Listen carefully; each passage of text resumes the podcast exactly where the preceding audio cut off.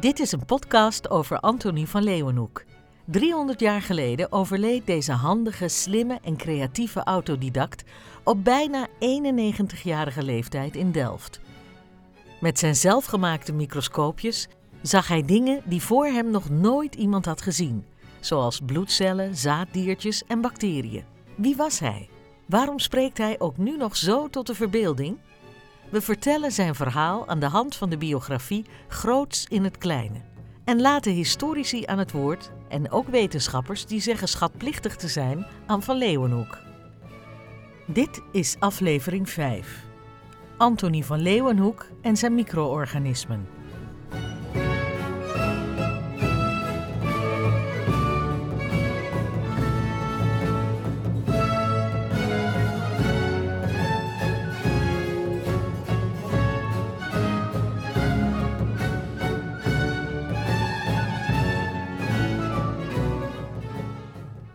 De microscoopjes van Anthony maakten het mogelijk om een stap verder te gaan dan Robert Hooke deed in zijn Micrographia.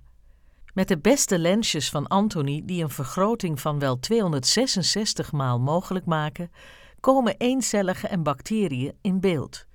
Een wereld, zo weten wij nu, met een ongelooflijke verscheidenheid aan verschijningsvormen. We kunnen alleen maar hard onderbouwen wat bewaard is gebleven. En van de 400 microscopen die hij maakte, zijn er 11 bewaard.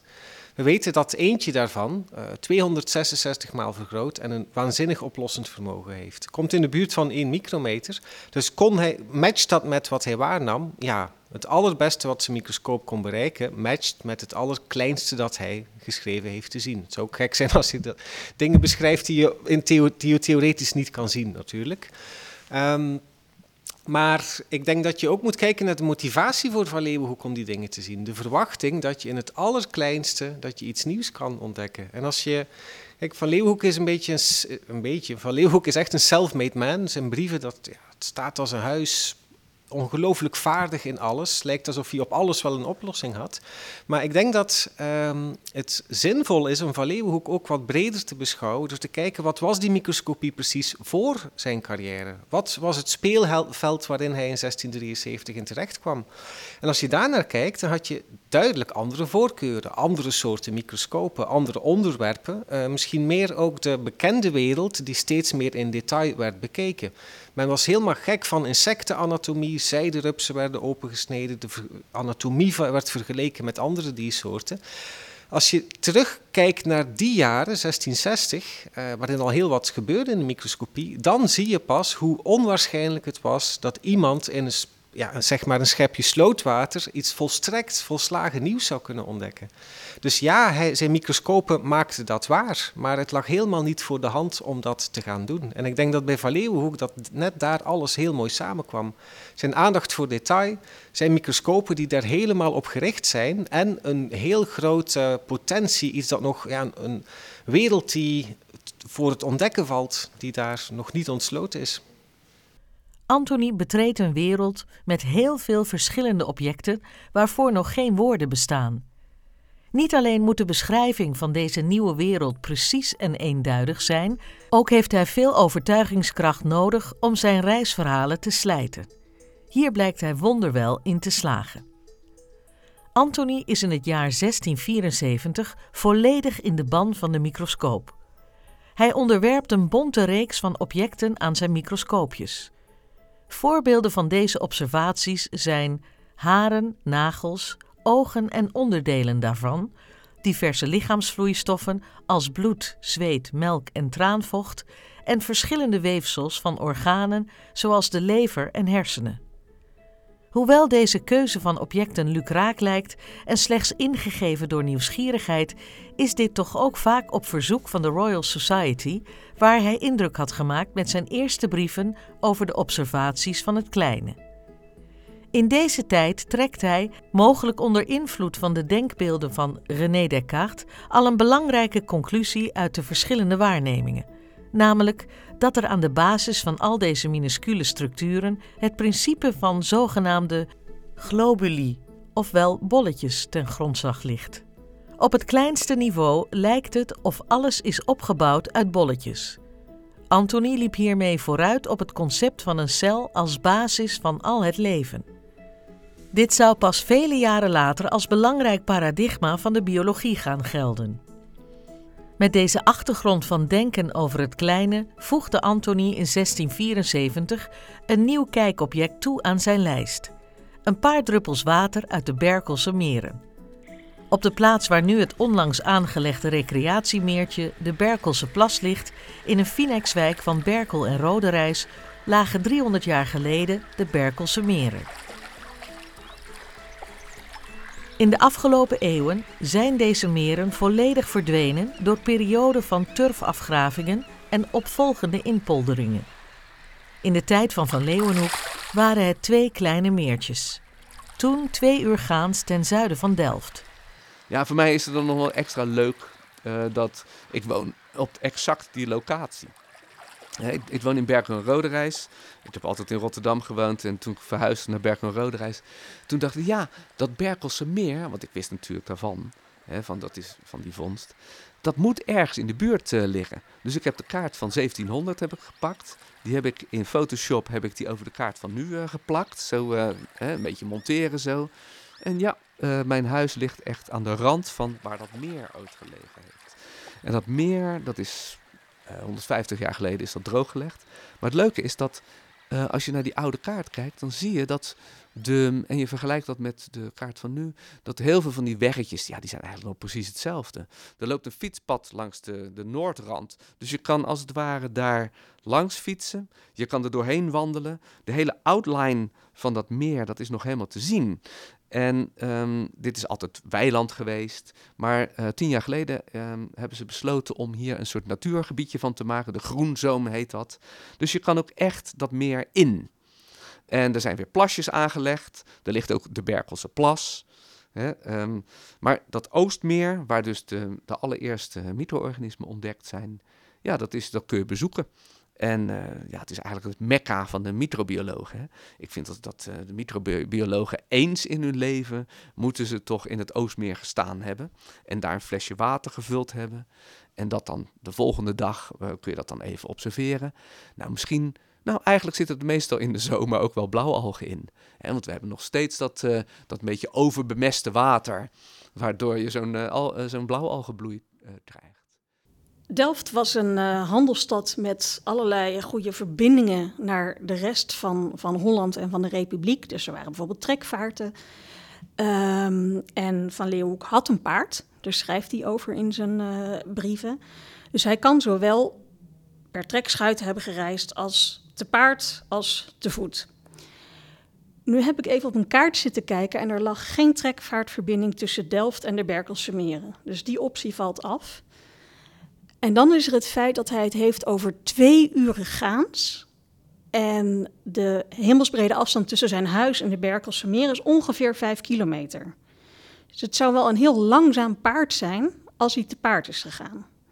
Ik gok dus op te voet. En dat hij dan niet helemaal hemelsbreed kon lopen en een beetje wat omwegen heeft moeten nemen. En dan zou je ongeveer op twee uren gaans uit kunnen komen. De moerassige maar visrijke meertjes kenmerkten zich doordat ze in de wintertijd helder waren, maar in het voorjaar en de zomer juist troebel. Volgens Anthony was er dan een witachtige troebeling waar hier en daar groene plekken in zaten. Deze groene plekken waren volgens de boeren in de omgeving het gevolg van in het water vallende dauwdruppels, ook wel honingdauw genoemd. Op een winderige dag in 1674, toen Anthony daar voorbij kwam, nam hij een flesje water mee als een nieuw object voor zijn microscopische observaties. Hij beschrijft zijn waarneming in september van dat jaar in een brief aan de Royal Society. Heel typerend voor Anthony's werkwijze staat zijn observatie vermeld in een schijnbaar willekeurige opsomming van andere microscopische waarnemingen. Eerst schrijft hij over een koeienoog waarvan hij vloeistoffen uit de verschillende oogkamers met elkaar vergelijkt, en ook over de oogzenuw, waarbij hij opmerkt dat soortgelijke structuren ook elders in het lichaam te zien zijn. Daarna volgt een stuk over diverse soorten kleideeltjes, en misschien had hij om deze reden ook wel het watermonster uit de Berkelse meren genomen. In de beschrijving die dan volgt, valt voor het eerst de term kleine diertgens, of, zoals in de Latijnse vertaling, animalcules. Iemand die veel onderzoek heeft gedaan aan wat Van Leeuwenhoek hier precies gezien heeft, is Wim van Egmond. Ja, ik heb een jaar of tien geleden heb ik gewerkt aan Mitropia. En Mitropia dat is een, um, een museum voor micro-organismen bij Artes. En daarvoor heb ik natuurlijk allerlei beelden gemaakt, et cetera. Uh, maar een van de exhibits, een van de tentoonstellingsonderdelen was over blauwalgen. En toen heb ik stereoscopische opnames van blauwalgen gemaakt. Um, en uh, daarvoor ben ik natuurlijk op zoek gegaan naar blauwalgen. Nou, blauwalgen zijn vrij algemeen in de zomer. je hebt uh, regelmatig zo'n blauwalgenbloei. En ik vond een hele mooie blauwalgenbloei in de Kralingse Plas in Rotterdam. Ik heb dat gefotografeerd voor die exhibit. En dat waren, um, ja, dat was zo'n witte laag. Ik heb er nog foto's van. En in die exhibit zaten dus die, uh, die blauwalgen, hele mooie soort spiraalachtige blauwalgen. En eigenlijk viel het kwartje pas een tijd later. En ik ben op het idee gebracht door een vriend van mij van de Sieralgenclub. En daar had ik ooit een discussie over het allereerste organisme wat Van Leeuwenhoek uh, benoemd heeft. En dat zou dan in het Berkelse meer zijn. Uh, en dat was dan Spirogyra. En ik haal even de quote erbij, want ik vind het eigenlijk zo'n leuke quote. Uh, die beschreef Antonie van Leeuwenhoek um, in 1674 in een brief aan de Royal Society. Op 7 september 1674. En dat is eigenlijk, kun je dat zien als de ontdekking van de microwereld. De allereerste keer dat micro-organismen beschreven werden. En toen ik dit las, toen dacht ik, ja, dat moet dat organisme zijn wat Van Leeuwenhoek beschreef. Uh, nou, hij beschrijft eigenlijk eerst uh, waar, die, waar het is. Hè. Dus omtrent twee uur gaans van deze stad leidt een binnenlands meer, de Berkelse Meer genaamd, wiens grond op vele plaatsen zeer moerig of moerassig is. Dit water is des winters zeer klaar en in het begin of in het midden van de zomer wordt het witachtig. En daar drijven groene wolkjes door, terwijl volgens het zeggen van de huisluiden daaromtrent wonende veroorzaakt werd door de dauw. Nou, uh, dat is dan honingdauw noemen ze dat. Nou, en dan zegt hij ook nog: dit, vis is, dit water is zeer visrijk en de vis is zeer goed en smakelijk. Nou ja, en dan komt dus de, quote. En nu laatst in voornoemende meervarende, op die tijd als de wind redelijk hard waaide en het water als boven verhaald, hè, dus witachtig met wolkjes. Uh, dit des nam ik een glazen, in een glazen flesje een weinig water mede. Dit des andere daags observerende bevond ik daarin te drijven verscheiden aardse deeltjes en enige groene rankjes, in geschikte orde slangsgewijs omgekruld, op gelijke manier als de koperen of tinnen slangen zijn die de distillateurs gebruiken om uh, haar overgehaalde wateren te verkoelen. En de ganse circumferentie van ieder van deze rankjes had omtrent de dikte van een haar van ons hoofd. Andere deeltjes hadden maar een begin van het bovenverhaalde rankje, alle bestaande uit zeer kleine groene samengevoegde klootgens.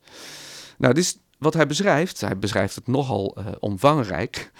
Um, zijn rankjes, uh, groene rankjes, slangsgewijs omgekruld in geschikte orde. Dat wil zeggen een regelmatige spiraal, hè? slangsgewijs omgekruld. Um, zoals een, de, de distillateurs de, de koelspiraal. Dus hij beschrijft een heel regelmatige spiraal, uh, bestaande uit kleine samengevoegde balletjes. En de ganse circumferentie had de, de um, diameter van een mensenhaar. Nou, men uh, heeft dus eigenlijk altijd gedacht dat dit Spirogyra, de, de draadalg was. Maar wat ik vond, was dus inderdaad spiraaltjes. En dat is een blauwalg, uh, die heette Anabena of Doligospermum wordt die tegenwoordig genoemd. Maar dat is dus een blauwalg geweest. En dat klopt ook wel aardig, want ja, die blauwalgenbloei die ik dus aantrof in het uh, Plas, uh, die gaf ook echt een soort witachtige laag. Die blauwe algen had ik ontdekt en daar heb ik een artikeltje voor geschreven. En uh, ja, de reacties eigenlijk van de zogenaamde specialisten van Van Leeuwenhoek, die waren toch allemaal zo van, nee, dat is helemaal niet zo, dat waren geen blauwe algen, dat kan helemaal niet. Brian Ford, dat is dan de uh, Van Leeuwenhoek uh, specialist, die, die schreef terug, nee, um, ik heb nog eens eventjes de, de originele kopie van de, de biografie van Dobel erbij gehaald, die ik gekregen heb van de weduwe van Dobel. En ik heb dat zo opengeslagen. Nee, dat kan niet. Dat moet uh, Spirogira, Spirogira geweest zijn. Het schroefwier. Maar goed, als je goed nadenkt, hè, um, dan uh, Van Leeuwenhoek werkte met capillairtjes. En um, dat, die, die draadalgen, die krijg je daar helemaal niet in. Dus zo heb ik uh, allerlei bewijzen proberen, of ja, bewijzen, proberen te verzamelen. Zoveel mogelijk reden waarom het geen schroefweer kan zijn en waarom het wel die blauwalg geweest moet zijn. Maar dat doet er allemaal verder niet toe. Hè? Um, ik vind het gewoon leuk om als het ware mee te kijken met Van Leeuwenhoek. En het is een soort van detective werk. Hè? Je, je hebt die beschrijving. En vanuit die beschrijving moet je zien te reconstrueren. Wat heeft hij nou eigenlijk gezien?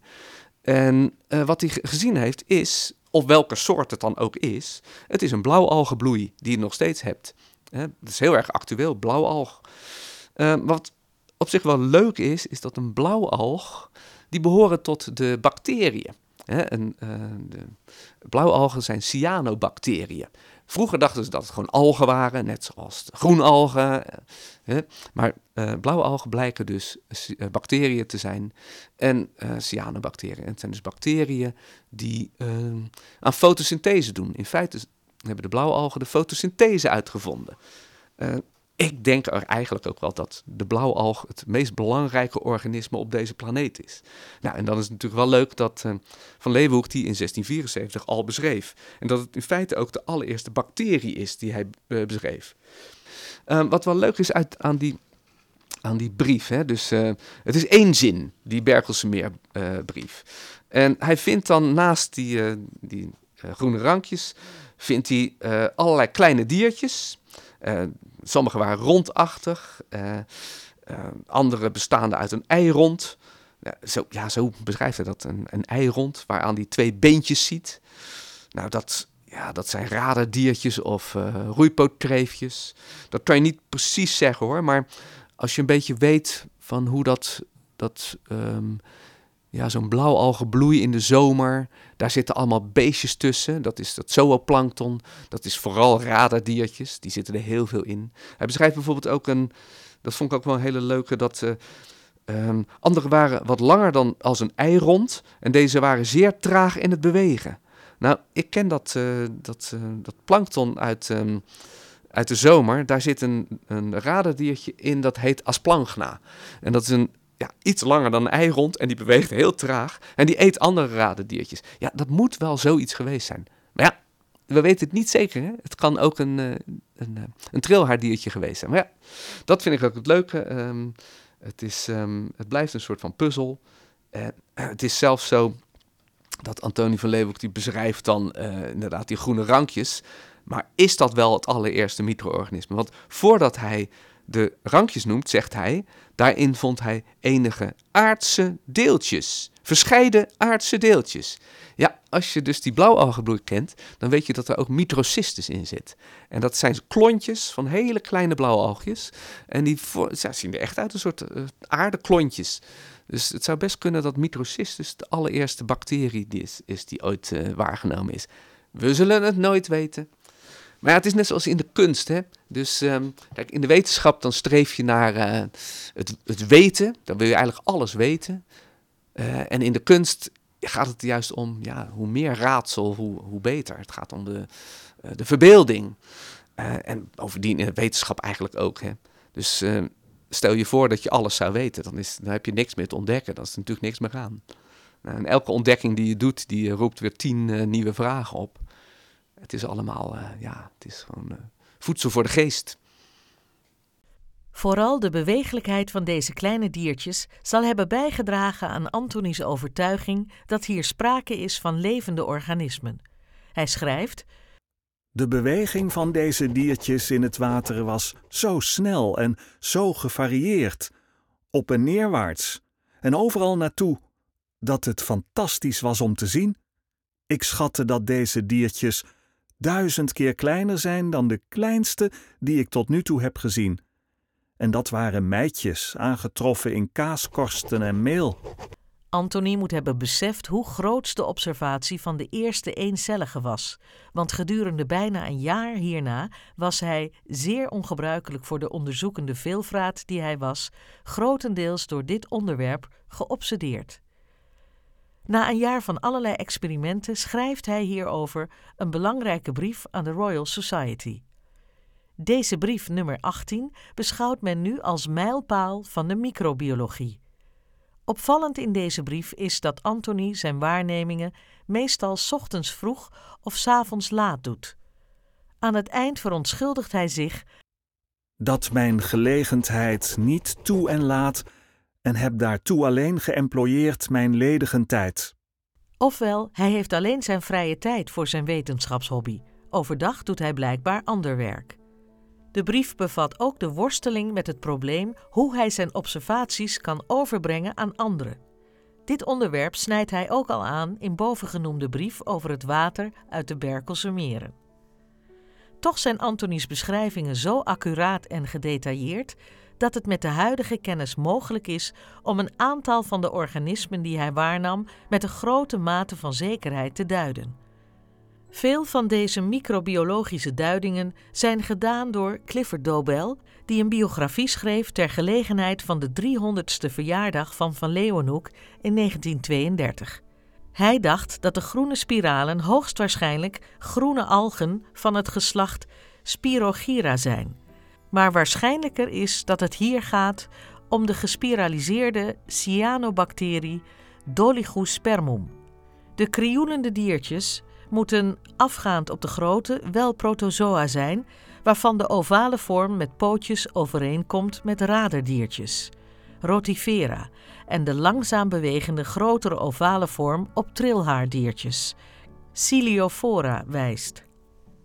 Als Anthony besluit om zijn onderzoek te richten op de kleine diertjes, houdt hij zijn vorderingen bij in een dagboek. De beroemde brief nummer 18, die hij na een jaar hierover schrijft, kenmerkt grotendeels deze dagboekachtige stijl.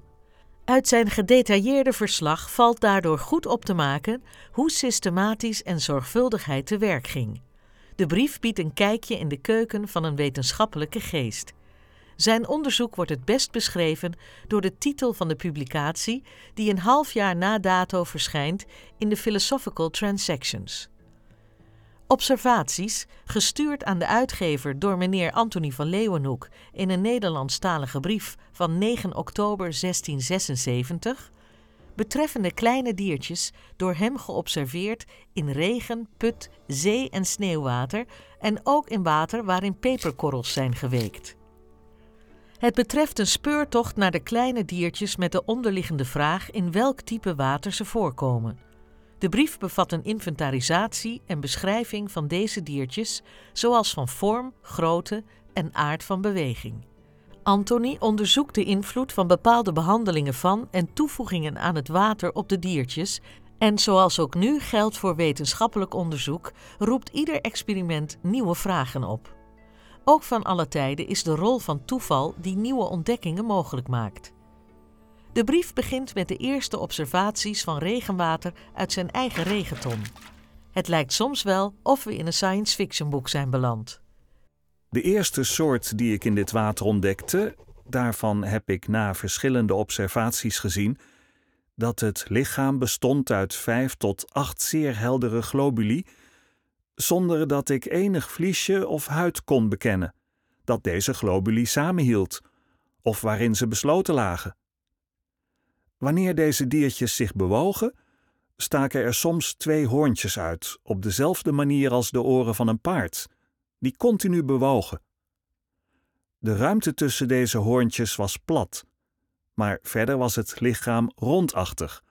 Alleen van achteren liep het een weinig spits toe, eindigend in een staart die ongeveer viermaal zo lang was als het hele lichaam, en met een dikte, door mijn microscoop te zien, als het rag van een spinnenkop.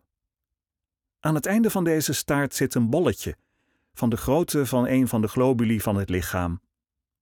Zelfs in zeer helder water heb ik niet kunnen zien dat de staart werd bewogen. Deze diertjes waren de kleinste schepselen die ik ooit gezien heb. Want als ze bij deeltjes of vezeltjes kwamen, waarvan er veel in het water zijn, zeker als het water enige dagen heeft stilgestaan, dan raakten ze daarin verstrikt en dan strekten zij het lichaam in een ovaal en deden pogingen om de staart door sterke uitstrekkingen los te krijgen, waardoor het hele lichaam dan terugsprong richting het bolletje van de staart. Dan rolde de staart zich op als een slang, zoals koper of ijzerdraad dat doet als het om een rond houtje is gewonden en weer van het houtje af alle omwindingen had behouden. Deze beweging van uitstrekkingen en inkrimping van de staart hield aan, en ik heb een paar honderd diertjes vast zien zitten in enkele draden, in een ruimte ter grootte van een grove korrel zand. Hier beschrijft Anthony zonder twijfel zogenaamde klokdiertjes, Forticella, die volop aan te treffen zijn in zoet water. Het eencellige diertje dat in kolonies met anderen leeft, zit met een spiraalvormig uiteinde verbonden aan een vaste ondergrond.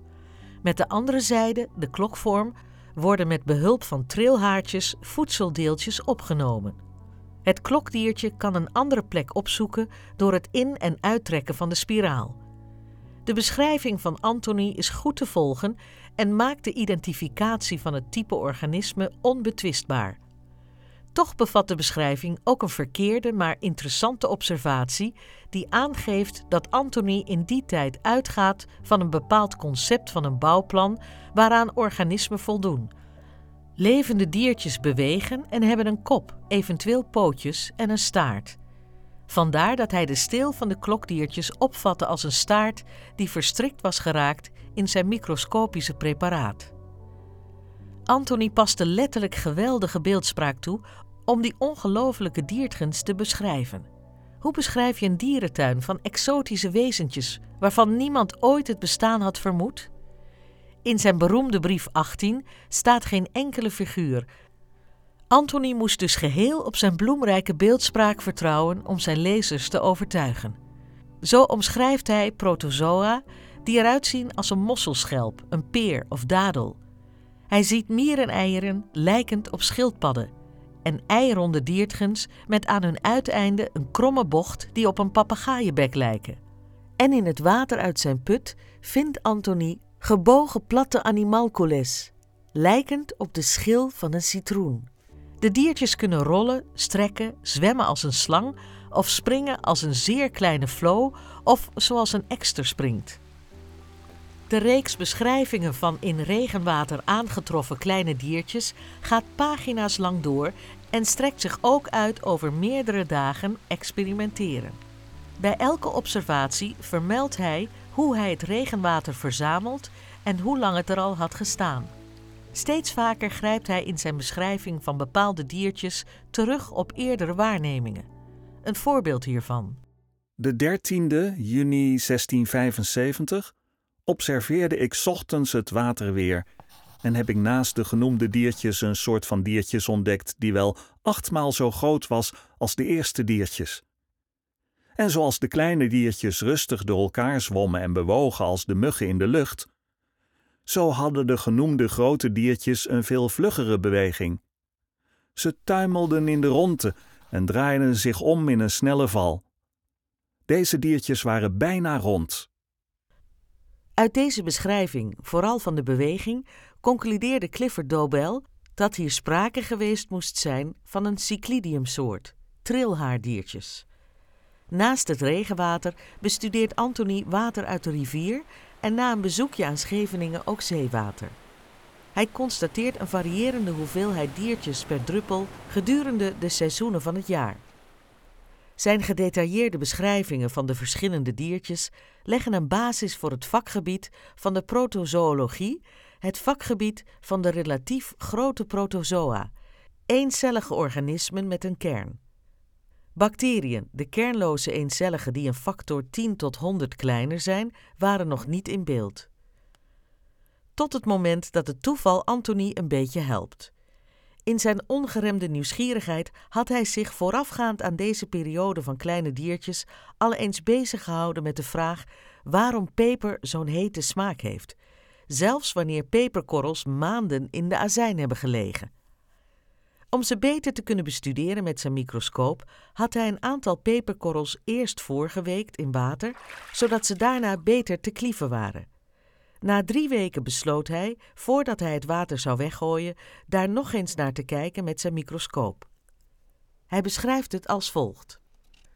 Den 24 april 1676, bij geval dit water, peperwater observerende, heb ik daarin met grote verwondering gezien ongelooflijk veel zeer kleine diertgens van verschillende soorten.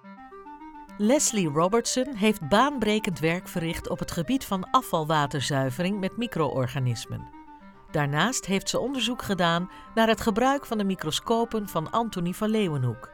Ze heeft onder andere het peperwater-experiment van Antonie gefilmd en dit experiment met groot succes onderdeel gemaakt van het eerstejaars practicum voor studenten biotechnologie aan de TU Delft. Ik ben Leslie Robertson. Op 1 maart volgende jaar ben ik met TU Delft voor 50 jaar. Ik probeer om de micros de proeven van Van Leeuwenhoek. Ik probeer de proeven van Van Leeuwenhoek te herhalen. Men zegt wel dat hij veel geheim hield voor het grote publiek. Dat is slechts ten dele waar. Men realiseert zich onvoldoende dat er flink gesneden is in al zijn publicaties bij de Royal Society. Veel van de methoden die hij hanteerde zijn er door de editors van het blad uitgehaald.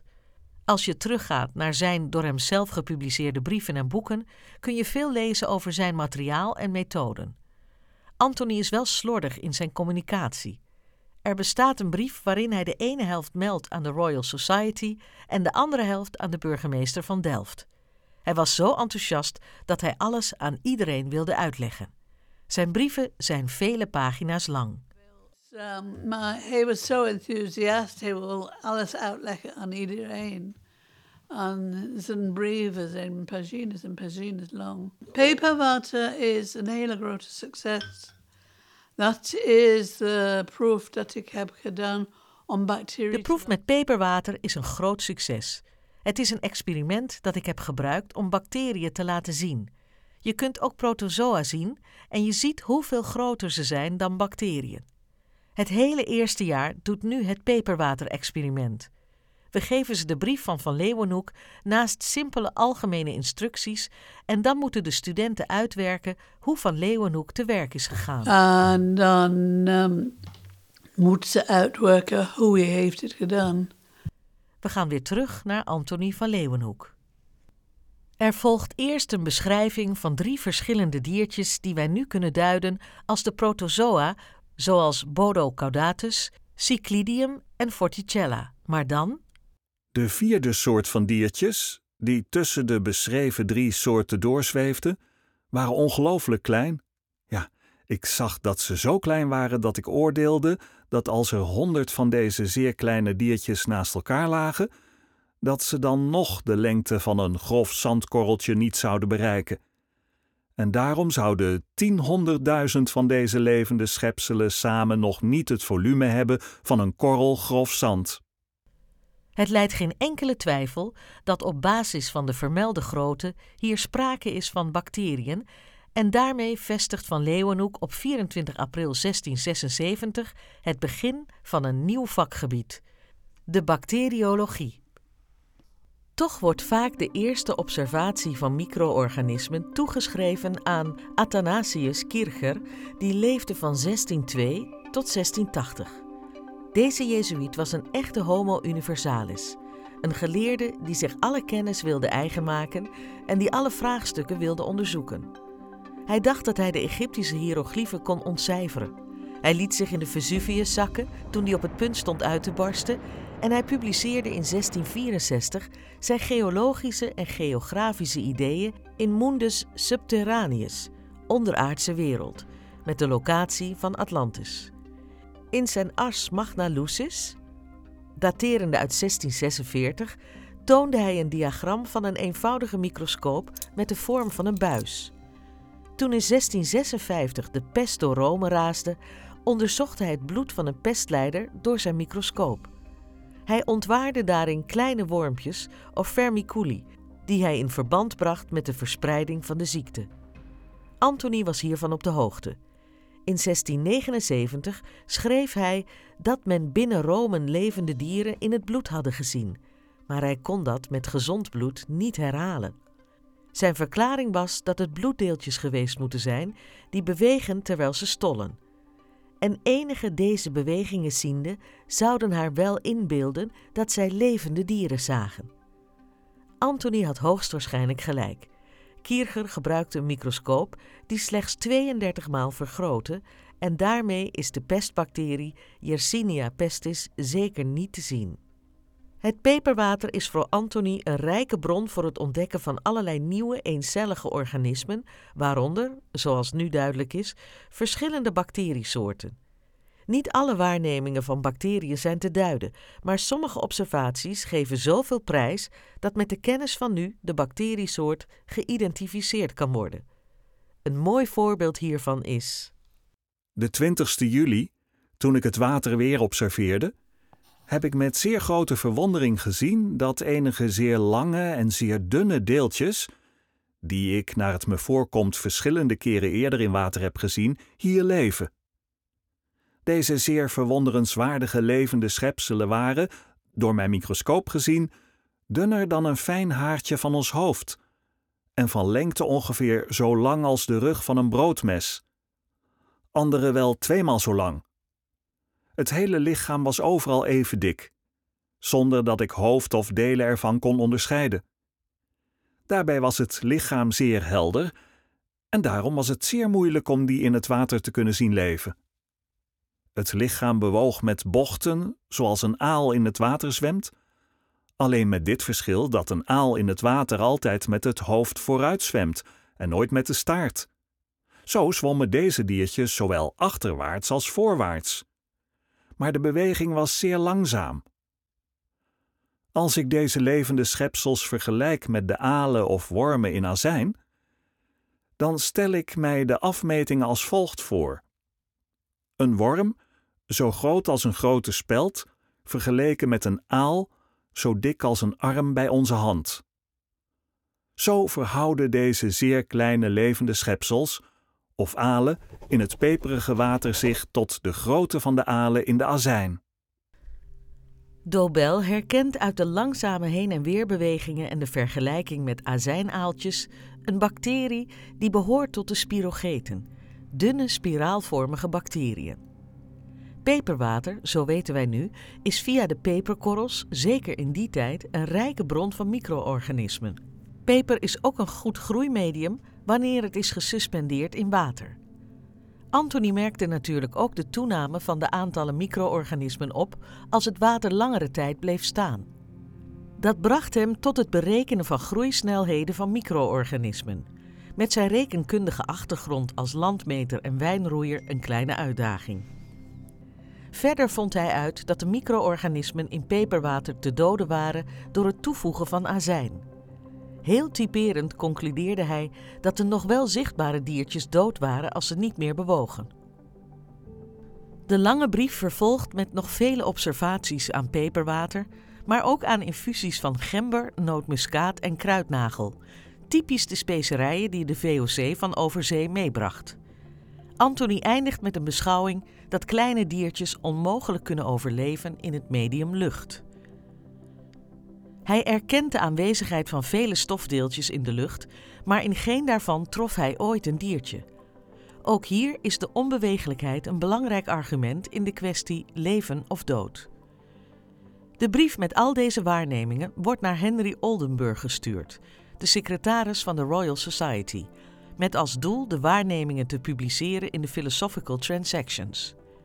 Van Leeuwenhoek heeft op dat moment nog geen grote naam en de waarnemingen zijn van dien aard dat hij aanvoelt dat er erg veel overtuigingskracht nodig zal zijn om dit te kunnen publiceren. Dat wordt al snel bevestigd door de eerste reactie van Oldenburg, die het werk very extraordinary vindt.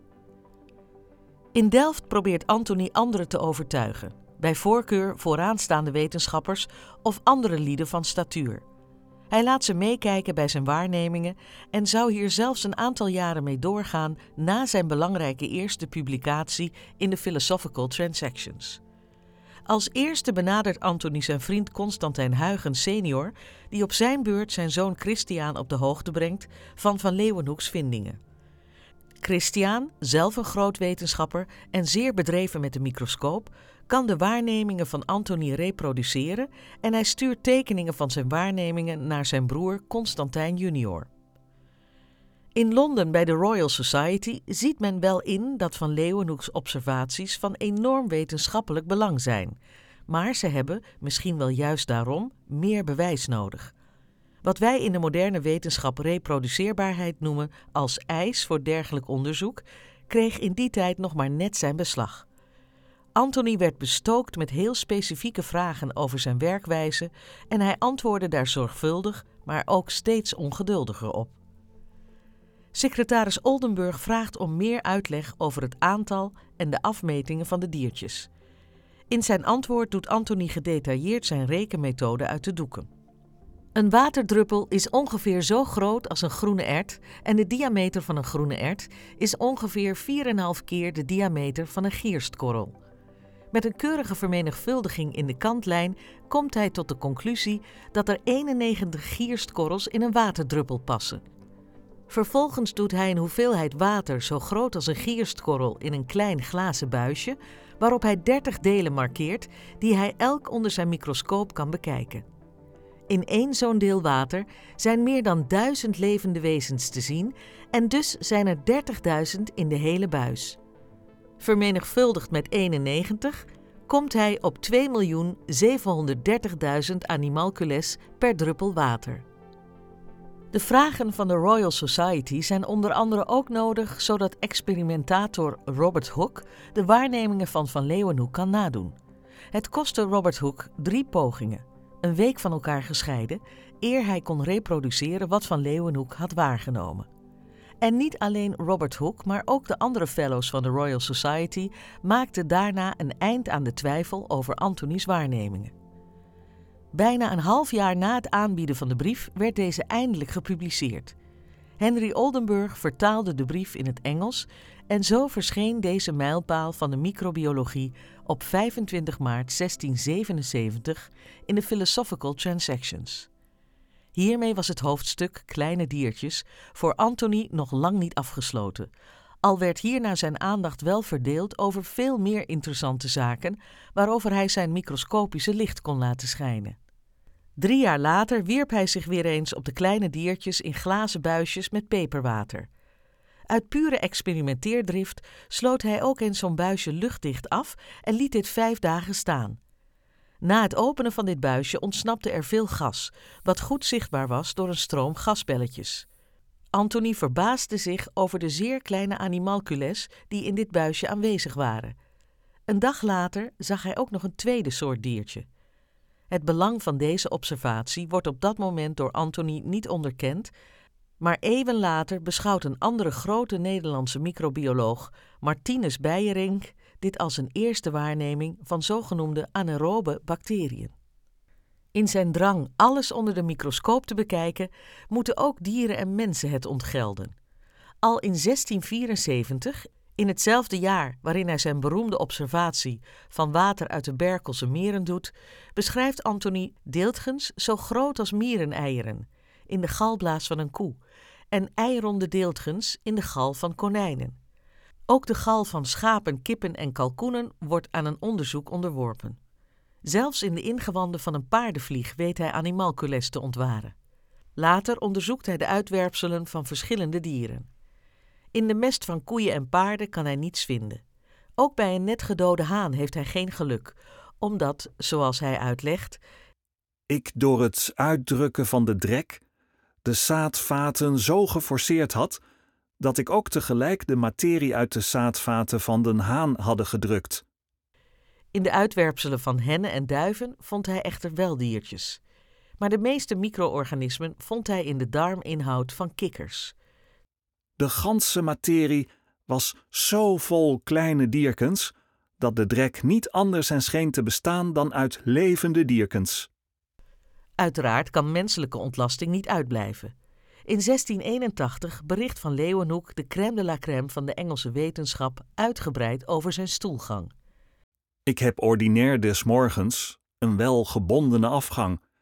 Maar somtijds, om de twee, drie à vier weken, heb ik voor deze een dunne doorgang gehad, zodat ik wel twee, drie à vier malen op een dag afging. In zijn eigen diarree vindt hij prachtig bewegende animalcules, ongeveer zo groot als een bloedcel. Met hun kleine pootjes die uit hun buik leken te komen, maken ze zo'n tumult in het water dat ze hem doen denken aan pissebedden die tegen een muur omhoog lopen.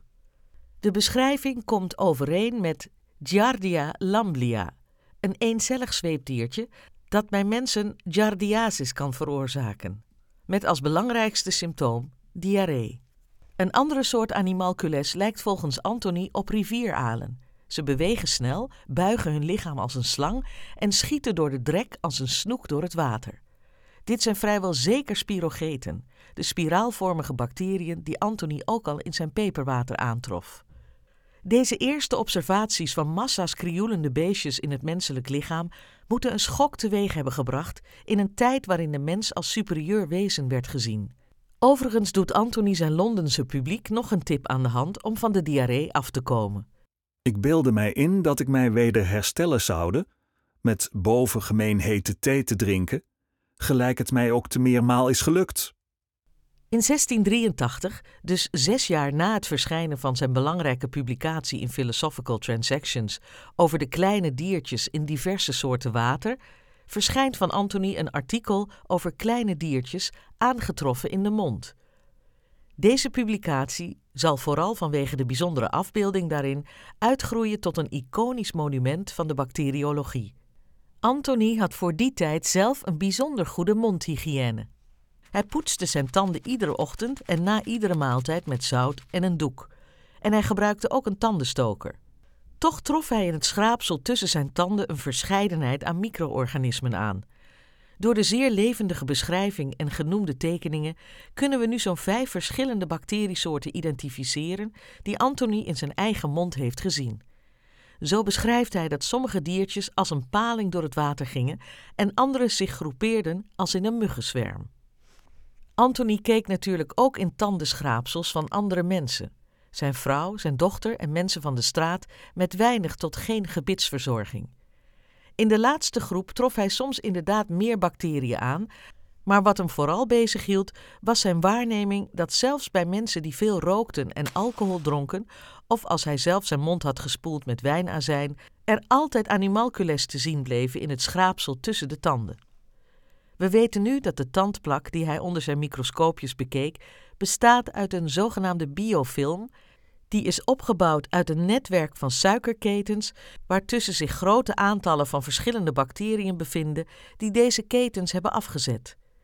Ze zijn hiermee extra beschermd tegen allerlei invloeden van buitenaf.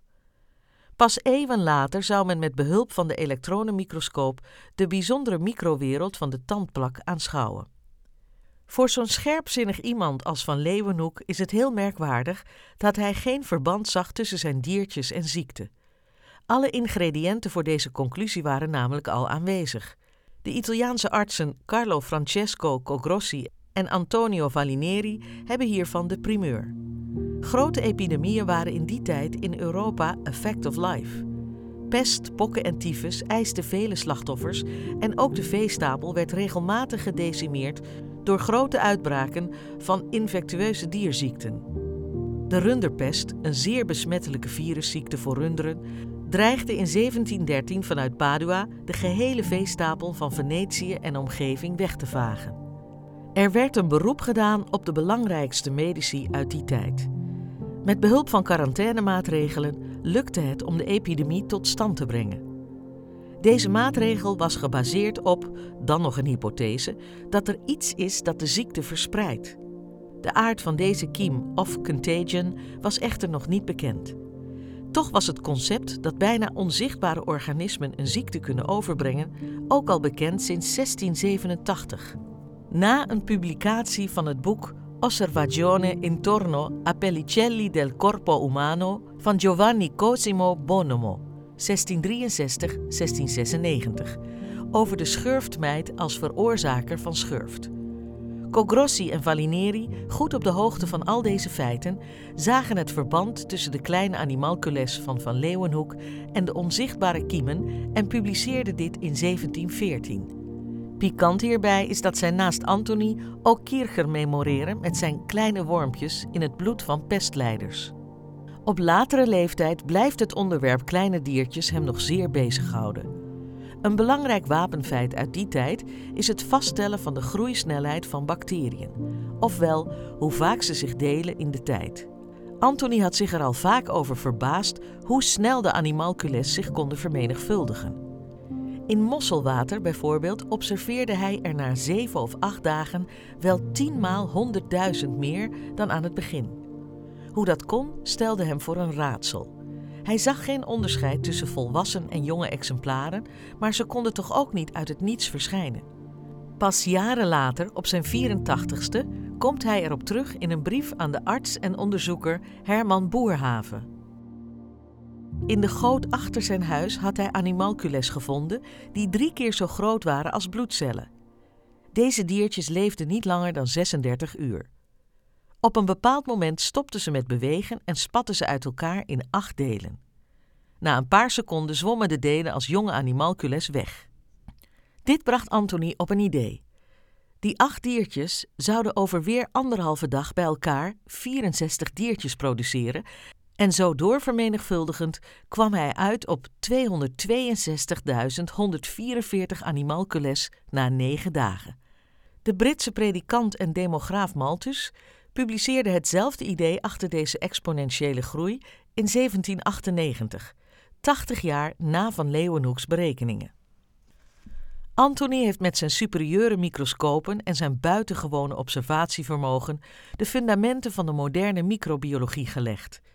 Door zijn gedetailleerde brieven wist hij de wetenschap te overtuigen van een tot dan toe onbekende wereld van micro-organismen. Zijn diertgens beschreef hij zo precies dat het duidelijk is welke protozoa en bacteriën hij zag. Maar hij heeft nooit onderkend dat die laatste echt een andere klasse van organismen waren. Hij zag kleine diertjes en nog kleinere diertjes. Hij stelde zich voor dat die allerkleinste diertjes ook pootjes voor voortbeweging en adertjes voor voeding moesten hebben, ook al waren die te klein om te zien. Hij berekent zelfs hoe klein de haarvaatjes in bacteriën moeten zijn als ze dezelfde verhouding hebben als in een mens. Na een hele rits vermenigvuldigingen waarin zandkorrels, haarbreedtes en duimen over elkaar tuimelen, zouden zijn bacteriehaarvaatjes maar een paar nanometer dik zijn, niet veel groter dan de doorsnee van de dubbele helix van een DNA-molecuul. Ook heeft Anthony nooit het verband tussen bacteriën en ziekte gelegd. Hij zag wel dat mensen met een slecht gebit veel meer animalculus in hun mond hadden, maar trok daaruit geen conclusies. Al was Van Leeuwenhoek een gevierd wetenschapper tijdens zijn leven, zelf heeft hij nooit geweten hoe groot hij eigenlijk was.